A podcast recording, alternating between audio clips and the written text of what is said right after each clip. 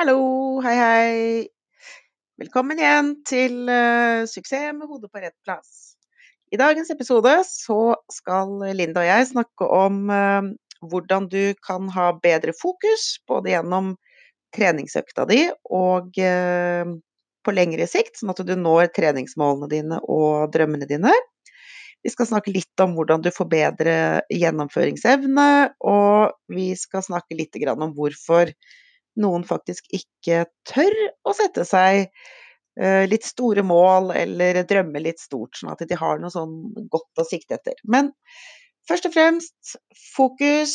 Hvordan holder du fokus? Det er en viktig greie i dagens samfunn hvor vi er pepra med impulser fra absolutt alle kanter. Så bare sett deg ned, eller uh, kjør bil, eller hva du gjør mens du hører på podkasten. Kanskje du driver og møkker litt i stallen.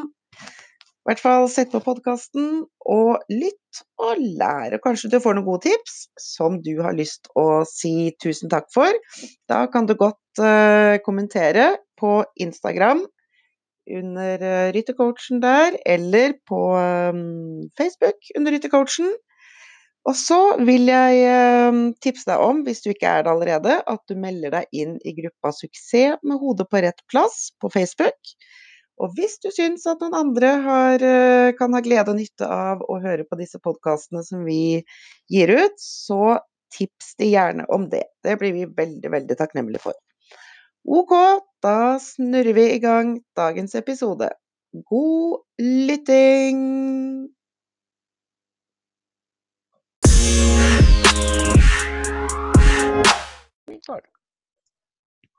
Hei, hei, Linda. Hallo. Er lenge siden sist. Nå er det lenge siden sist. Jepp. En hel måned, tror jeg. Ja, dette holder du regning på. Ja. ja, ja. Du har hatt det travelt, uh, har jeg skjønt, med ny jobb og farting hit og dit. Ja, det er nå litt her og litt der. Ja. Aktiv, aktiv dame, da blir det sånn. Men uh, nå har vi endelig klart å møtes, og vi skal snakke om et utrolig spennende tema i dag, som uh, vi, jeg stadig får spørsmål om, og som er gjengangere i uh, både én-til-én-coachingen på kurs, og som kommer inn som spørsmål. Og det ene handler om fokus, og det andre handler om dette her med å tørre å drømme. Mm -hmm. Og disse to tingene henger jo veldig, veldig godt sammen, så de passer egentlig fint å ha sammen i en podkast. Ja, det skal være sikkert og visst. Det er veldig vanskelig å nå en drøm du ikke har fokus på. Ja, eller ikke har turt å drømme. Da blir det, da blir det vanskelig. Uh, men jeg tenker litt at vi kan kanskje starte litt med det her med, med, å fokusere under en treningsøkt. For det er det jo det er det faktisk ganske mange som sliter med å klare å holde fokus eh, under treningsøkta, eller f.eks. hvis de rir på kurs. da. Så kan det bli litt problematisk. Eh, har du noen tanker rundt det, Linda? Ja, jeg tenker at vi lever nå i et samfunn som har som oppgave i å stjele fokus på mange måter. Altså, nå tenker jeg ut mobiltelefoner. Altså, det, det, er, det, er, en kamp om folks fokus til enhver tid. Sånn at vi er, vi er blitt dårligere. Forskning viser at vi er blitt dårligere til å holde fokus. Eh, det er vanskeligere å lese en bok, det er vanskeligere å konsentrere seg over lang tid. fordi vi hele tida pepres fra, fra, det digitale rundt oss på korte, kjappe fokusøkter. Mm. Så jeg mm. tenker at er det noe som er viktig, så er det å øve på å holde fokus over litt lengre tid, samtidig som du må gi hjernen de pausene han trenger for å klare seg. Mm. Og det, det, spiller jo egentlig ballen over på det som uh, også er forskningsbasert uh, kunnskap. Og det handler jo om at hjernen klarer å holde fullt fokus i inntil 20 minutter. Og, og, det er jo egentlig litt det samme som uh, hestene klarer. Sånn at uh, hvis du ikke gir deg sjøl den pausen, så tar hjernen den pausen sjøl. Ja, da spiller det jo ikke noen rolle hva du gjør. Nei, nei, da bare tar den, eh, da tar den pause.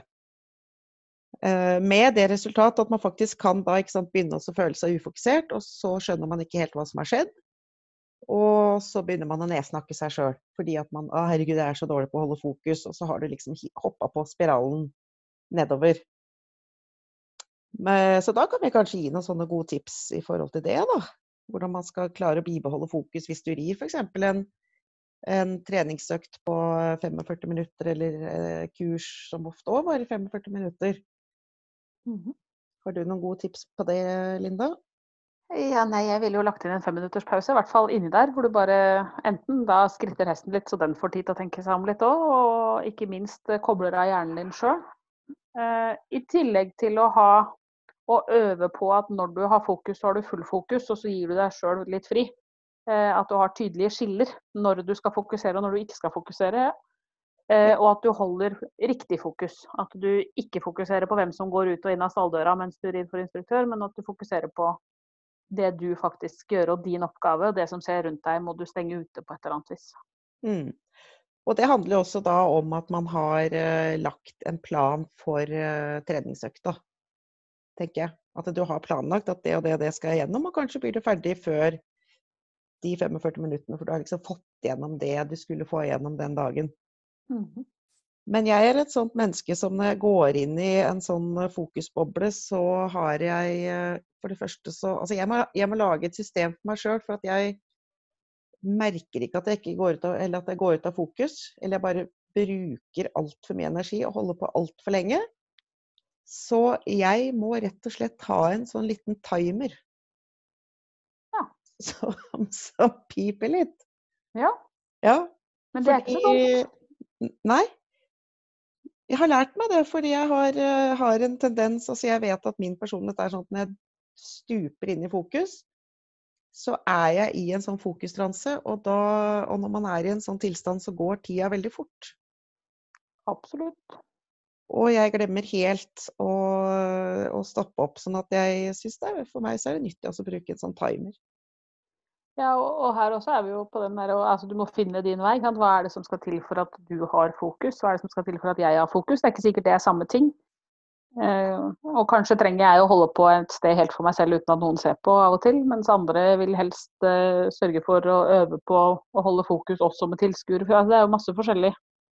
Mm. Så man må finne ut eh, ja, Finne sin, sin oppskrift, da.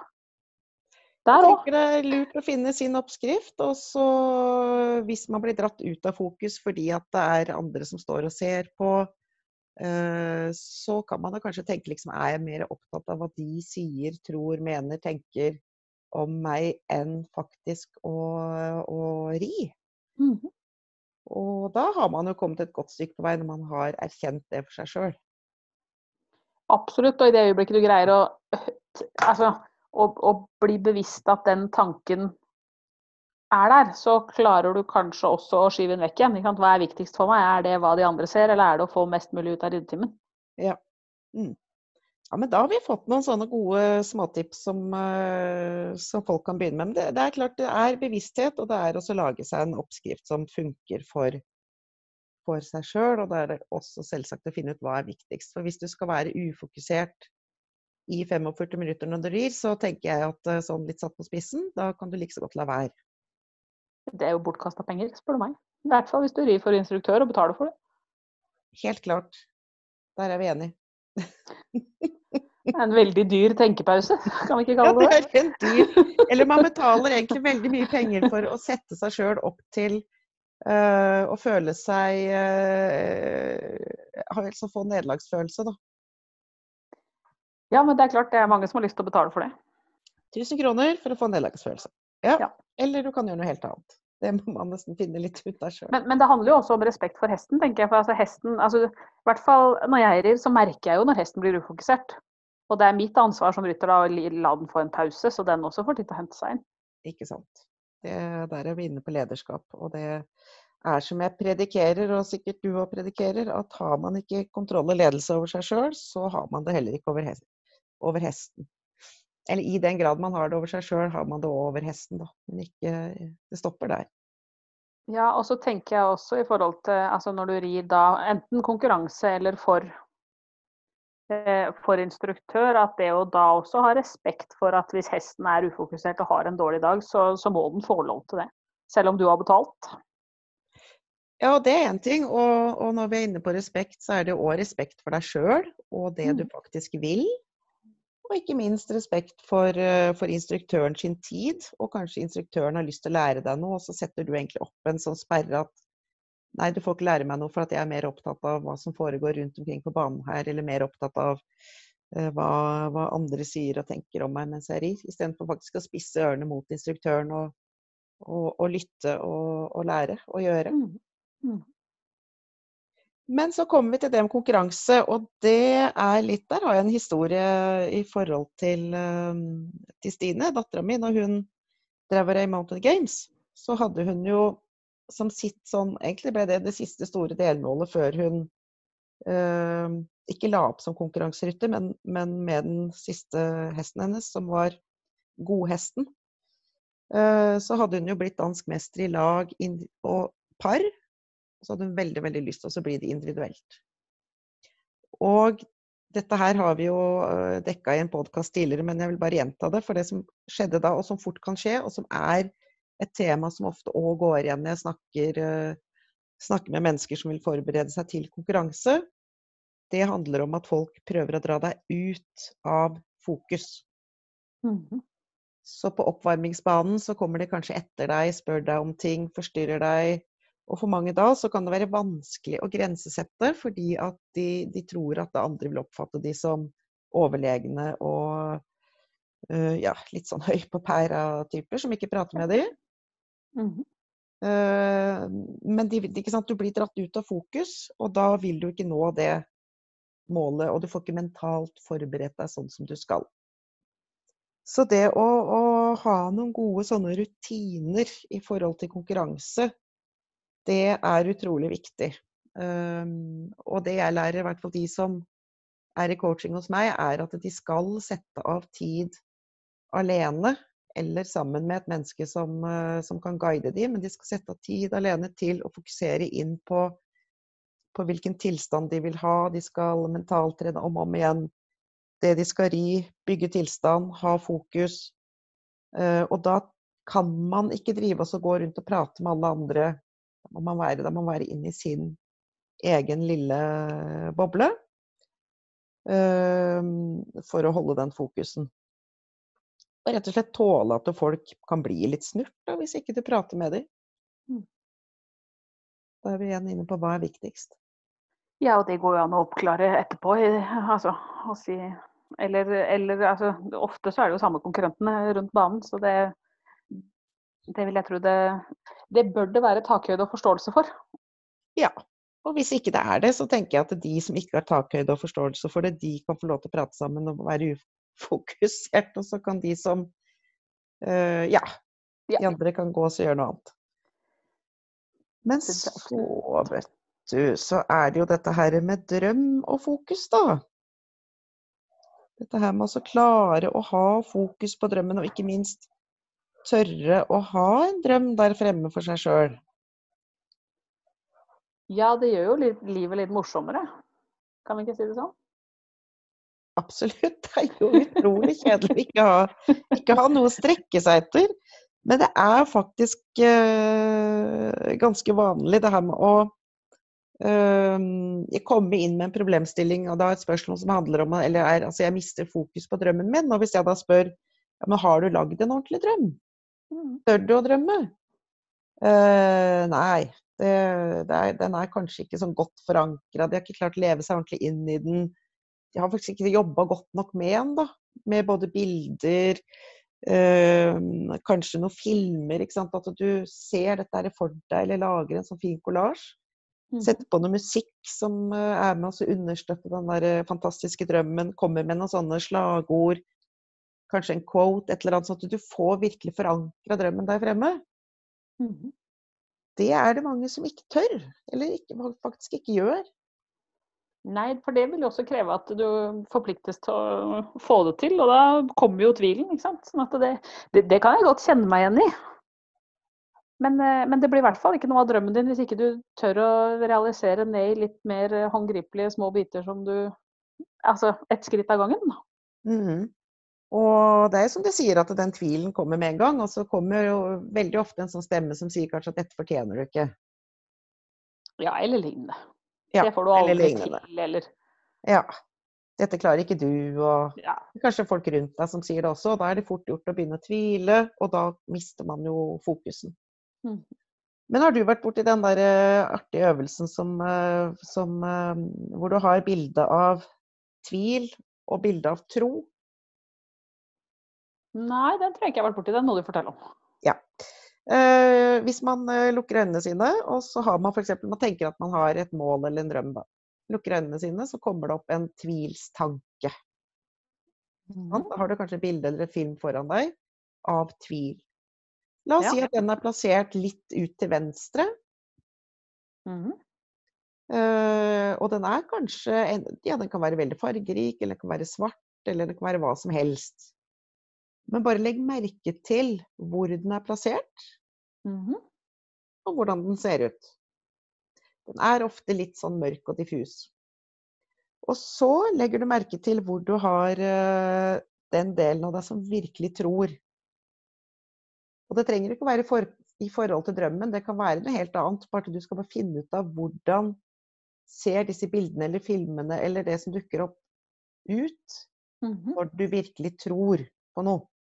Bare Mhm. vet med hele deg dette kommer du til å få til. Og det kan vi si da i dette eksempelet er plassert ut til høyre. Mhm. Stor, fin, fargerik film eh, med deg selv inni, og du er blid og du er eh, du, Ja, du tror skikkelig.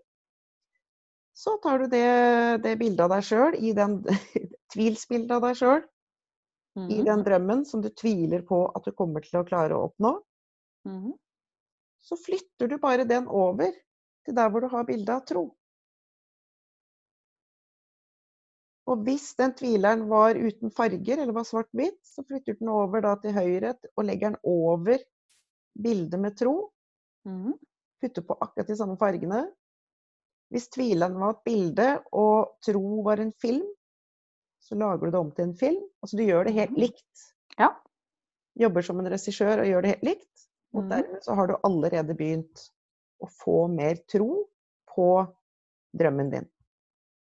Fordi du er bruker oppskriften som tro har, da. Du bruker den oppskriften på de indre bildene dine. Ja, det er utrolig Ja, den er effektiv. Akkurat den. Så, så det er en sånn liten, et sånt lite uh, hjernetriks.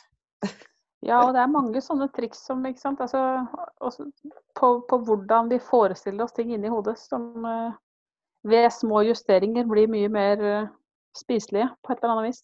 Mm.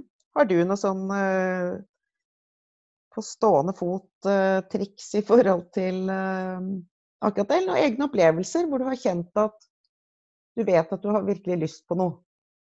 Eh, Så kommer tvileren inn og tar overhånd.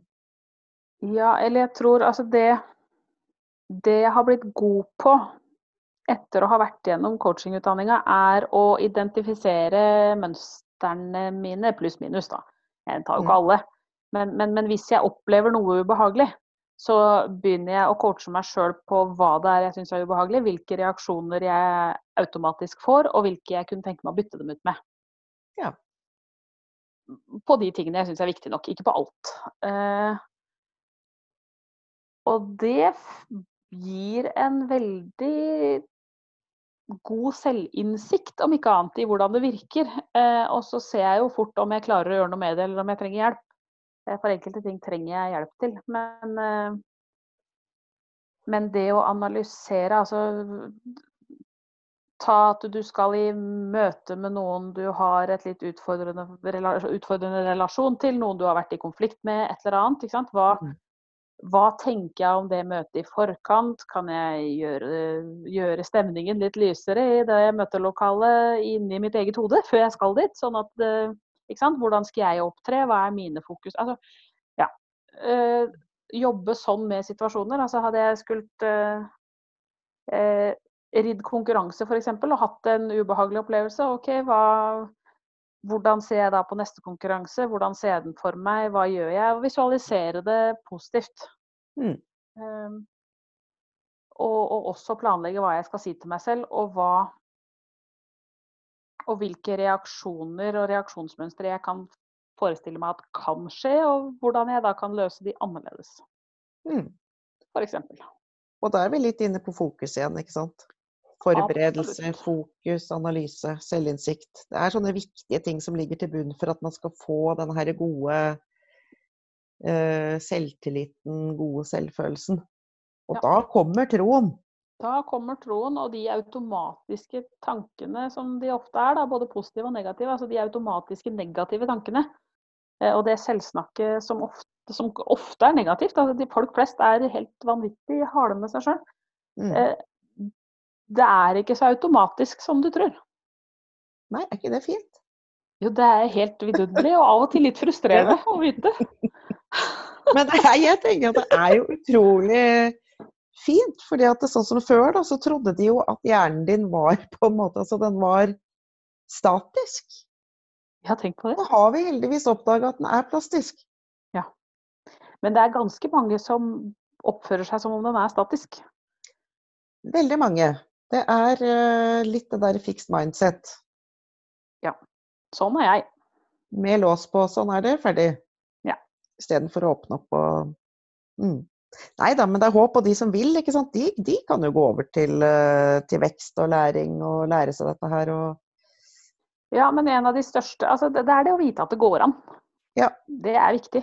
Du må ha tro på at det går an. Og der også er jo tro og tvil. ikke sant? Altså, mm. eh, det, hvis jeg graver dypt nok, så har jeg et par ting som jeg tror at ikke går an å fikse med meg òg. Altså, som, jeg ikke, som jeg tenker at det er så fastlåst at det får jeg ikke gjort noe med. Eh, og kanskje ønsker jeg ikke å gå dit heller. Ah, Ja, men vi har jo alle sånne, da. Men det er klart, du kan jo ikke jobbe med alt på en gang. nei, det går jo ikke. Du må jo velge de kampene Ja. du skal ta, og du må velge hva som er viktig for deg. Ja. Men, men så er er det også noe som du kanskje burde ta sjøl om du ikke har lyst. Ja, man føler litt sånn motstand og sånt, og det er jo òg normalt en, en eh, stund, men så løsner det plutselig fordi at du har gått av kverna vet du, i underbevisstheten. Og Ja, så nei, jeg- en dag Jeg sitter og skriver blogg nå om konflikter og, og atferd. Der går det på eh, altså, automatiske responser da, til konflikt. Altså Hvis noen forteller deg at du er idiot høyt og tydelig, mm, hvil- hvil- hvilke tankemønstre kjører du da f.eks.? Når, de begynner- altså, når den du er i diskusjon med begynner å bli urasjonell og gå til personangrep. Hvilke automatiske tanker dukker opp hos deg? Eh, og eller for den saks skyld, hvis du føler deg altså I det øyeblikket det kobles på følelser, da, på et eller annet vis, i en konflikt. La, la oss si at du igjen da er i en konflikt i en stall. Det forekommer jo, Ikke sant? Ja. I at du er i en konflikt i en stall, og så er det noen som prøver å fortelle deg hvordan du skal stelle hesten din. Da har du hoppa ut i et vepsebol. Eh, ja. Kanskje. Ja. Men, men da er jo mine automatiske tanker viktige for min respons. Ja. Hvorvidt den er produktiv eller uproduktiv. Mm. Eh, og en uproduktiv respons kan f.eks. være ja, Jeg ser at du prater, men jeg vet at du ikke aner hva du snakker om, så jeg gidder ikke å høre på deg. Putter jeg deg i idiotbåsen, og så er vi ferdig snakka. Mm. Eh, det, er, det er for, over, for, søv- for, øvrig, for øvrig en av mine favoritter på det feltet. Det er jeg ganske god på den automatiske tanken der når jeg blir sint. Mm. Eh, så, så, og, og så utfordrer jo da dette her verktøyet som vi jobber med nå, det utfordrer deg jo da på å finne noen alternativer til hvordan du kan tenke litt mer konstruktivt på det. Eh, og der skal jeg være så ærlig og si at der kjente jeg på litt motstand, for at det er ganske deilig den der kos med misnøye på at andre er idioter. Den kan jeg godt holde på. Ja. Men nå driver, driver jeg jo da og skriver en blogg om det, så da måtte jeg jo komme opp med noen eksempler da, på hva jeg kunne tenke isteden. Og det Eh, Det var vanskeligere enn jeg hadde tenkt, men, men det å f.eks. bytte det ut med altså, hva, hva skal til for at jeg vurderer å gjøre det på den måten du foreslår? Eh, Og hvilke forutsetninger og perspektiver har du for å foreslå det du foreslår? Ikke sant. Det det, er jo viktig, mer det, er, det er en viktig greie. Hvilke Ja. forutsetninger har du for å foreslå det du foreslår? Ja.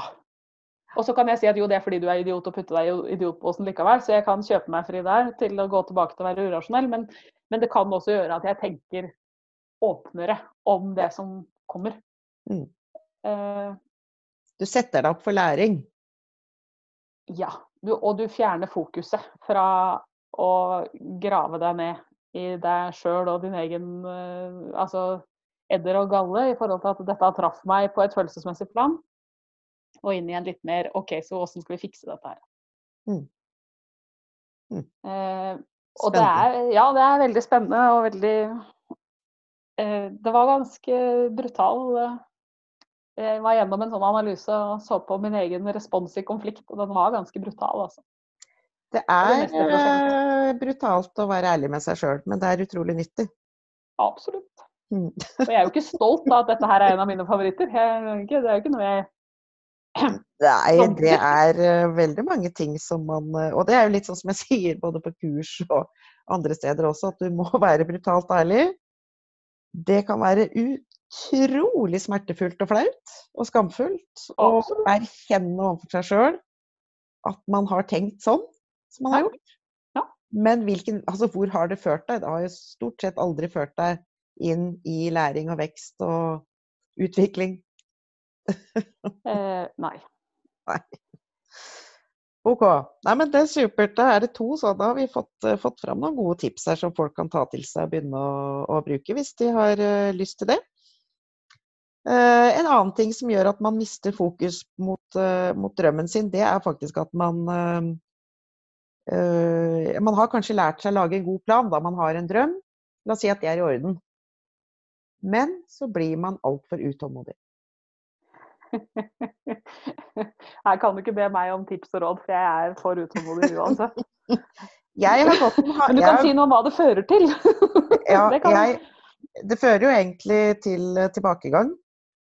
Uh, jeg har gått den litt uh, ha, altså veldig harde veien akkurat der. Jeg tror jeg har nevnt det før, men jeg har sånn bilde inni hodet mitt på hvordan jeg dreiv tidligere. Hvor jeg løp opp altså Hvis du ser for deg brettspillet, stigespillet. Mm. Utålmodig Gry løp på tåballene oppover stigene, bare opp, pang, ned mm. igjen. Ja. Kom meg ikke av flekken, vet du. Nei. Fordi at jeg var så utålmodig at jeg bare ødela for meg sjøl. Mm. Og, og, da mister man jo ikke sant? Da kommer jo tvilen snikende. Yep. Så mister man troa. Og så blir det såpass stor motstand at man faktisk gir opp. Ja, nei, du mister jo helt driven. Ja, Når du sklir lenger ned enn du gikk stig opp. Ja, altså, da var jeg her igjen, ja. Nei, men ja, ja. Spør mitt barn på syv om stigespill er gøy eller ikke. Det kommer litt an på hvilke stiger og sklier han havner i. Ikke sant. Så jeg var litt der, da. Uh, ja, i forhold til drøm. Fokus og drøm, og nederlagsfølelse og tro og tvil. Men har, du, ja. har, du, noen flere sånne tips, eller sånne uh, typiske feller som man kan gå i når man uh, Ja, man har fått lagd seg en drøm, man begynner å gå mot den. Mister fokus. Ja, jeg, nå må jeg snakke for min egen del, men altså jeg, jeg detter Altså utålmodighetsfella er nok den fella jeg detter i oftest òg, det går ikke fort nok. Så jeg har jobba med å feire sakte framgang. Ja. Mm. Eh, og se på tilbakegang som eh, en sånn midlertidig pause, og så bare fortsetter vi. Ja. Eh, og det det har jeg jobba mye med i det siste, og, og det funker. Men, men, også det å gi seg sjøl tid nok. Altså den utålmodigheten. For meg så har det vært å tøyle med å, gi, å si at ja, ja, men det er resten av livet vi snakker om. Så det skal ikke gå fort. Mm. Um, det skal heller bli holdbart. Altså det, er, det, det skal bli noe som, som varer. Det skal bli noe som varer. Og det gjelder uansett hvilket mål, så er det, det, å sørge for at du tar så små skritt mot målet at det varer på sikt. Mm. Det er en veldig god uh, læresetning å ha med seg. Den kjenner jeg at uh, den, den, treffer meg godt òg. Ja. Jeg har utvik, absolutt utviklings... Jeg har jo den tendensen til at jeg knekker et eller annet, eller altså jeg må ta sånne pauser, sånne pauser som som er eh, blitt påtvungne pauser. Ja. Hadde et prosjekt, det er mange år siden, men da husker jeg hadde sånn, da hadde jeg en sånn greie at jeg måtte tillate meg sjøl å ligge på sofaen og hvile. Ja, ikke sant? Med god samvittighet. Mm. I ti minutter. Før jeg begynte å vibrere. Men det Så det er liksom noe Egentlig litt sånn så, så kommer det tilbake til det vi starta med. At vi må gi oss sjøl en pause før kroppen eller hjernen tar pausen av seg sjøl. Mhm. For å få Ja, en det suksess. Ja. er lov. Altså, det er lov å stoppe opp, det er lov å ta seg pauser, og det er viktig å ta seg pauser. Og pauser med dårlig samvittighet er ikke gode pauser. Nei, absolutt ikke. Det er ikke pauser, du blir bare mer sliten av det. Du ligger og ser på klokka og vibrerer, liksom. Kan jeg snart slutte å ta pause nå? Ja. Nyt en god pause, og nyt de små, små eh, stegene fremover. Og ikke minst klapp deg sjøl på skulderen og vær superstolt for at man går stega fremover. Ja, og de trenger ikke være verken store eller voldsomme. Altså, jevnt og, jevnt og trutt sig mot et mål. som, eh, det blir som haren og skilpadda. Ja, nei, nå i det siste har jeg brukt kameleksempelet, for vi hadde en runde på, også på coachutdanninga hvor vi skulle liksom finne vårt indre dyr i forhold til å ha gjennomføringskraft. Ja. Eh, og gjennomføringskraft kontra Det kan jo altså, for, for, I forhold til å trene mot konkurranse, f.eks., eller i forhold til hva som helst. Det å Mhm. klare å gjennomføre. Ja, og rundt meg så spratt det fram løver og ørner og tigre. Og vi skulle bare plukke det første dyret som datt ned i huet mitt. Og, og jeg lå der som en drøvtyggende kamel.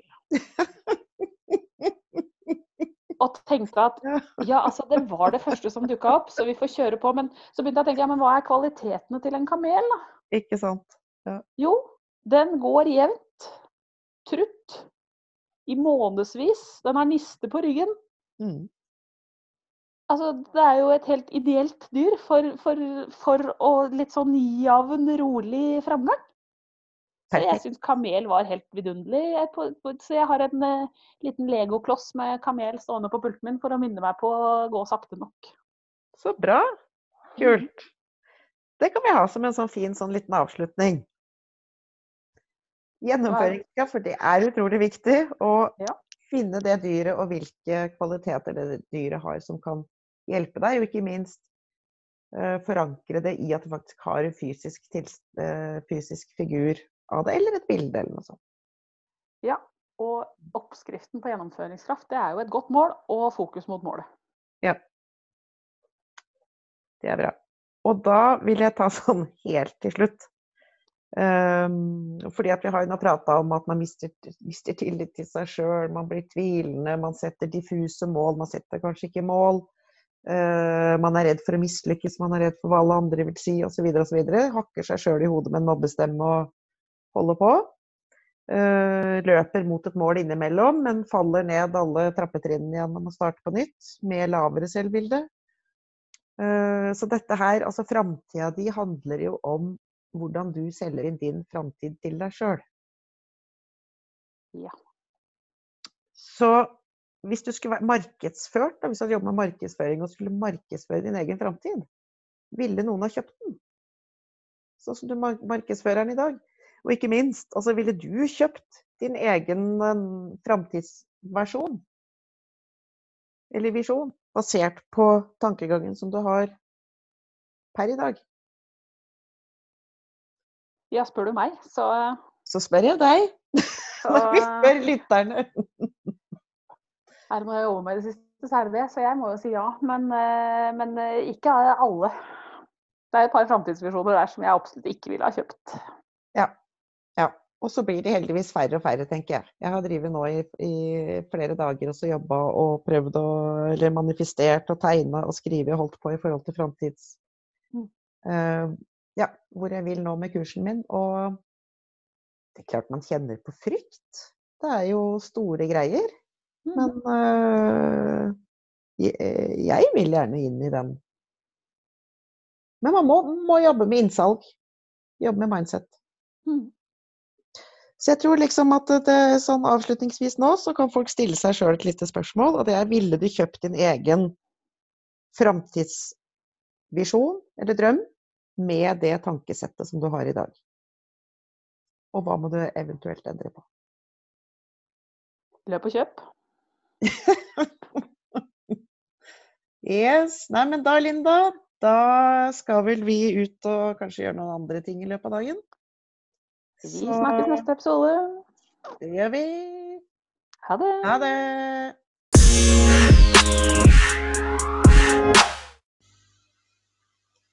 Takk for at du har hørt på oss i dag. Og når det kommer til det med fokus, så vet jeg i hvert fall med meg sjøl at um, jeg kan ha, eller kunne ha, lett for å miste fokus hvis jeg ble opphengt i uh, salen. Så jeg er veldig, veldig glad for min Djupur fra Tøltreider Saddle fordi at den passer både til hesten og den er veldig god å sitte i. Så da slipper jeg å bli dratt ut av fokus når jeg vet at jeg har riktig sal. Så Tølt Rider Saddle Company, det er sponsor av ehm, denne podkasten. Og gå gjerne inn og besøk dem på Instagram under Tølt Rider Saddle Company, eller på Facebook. Vi ses!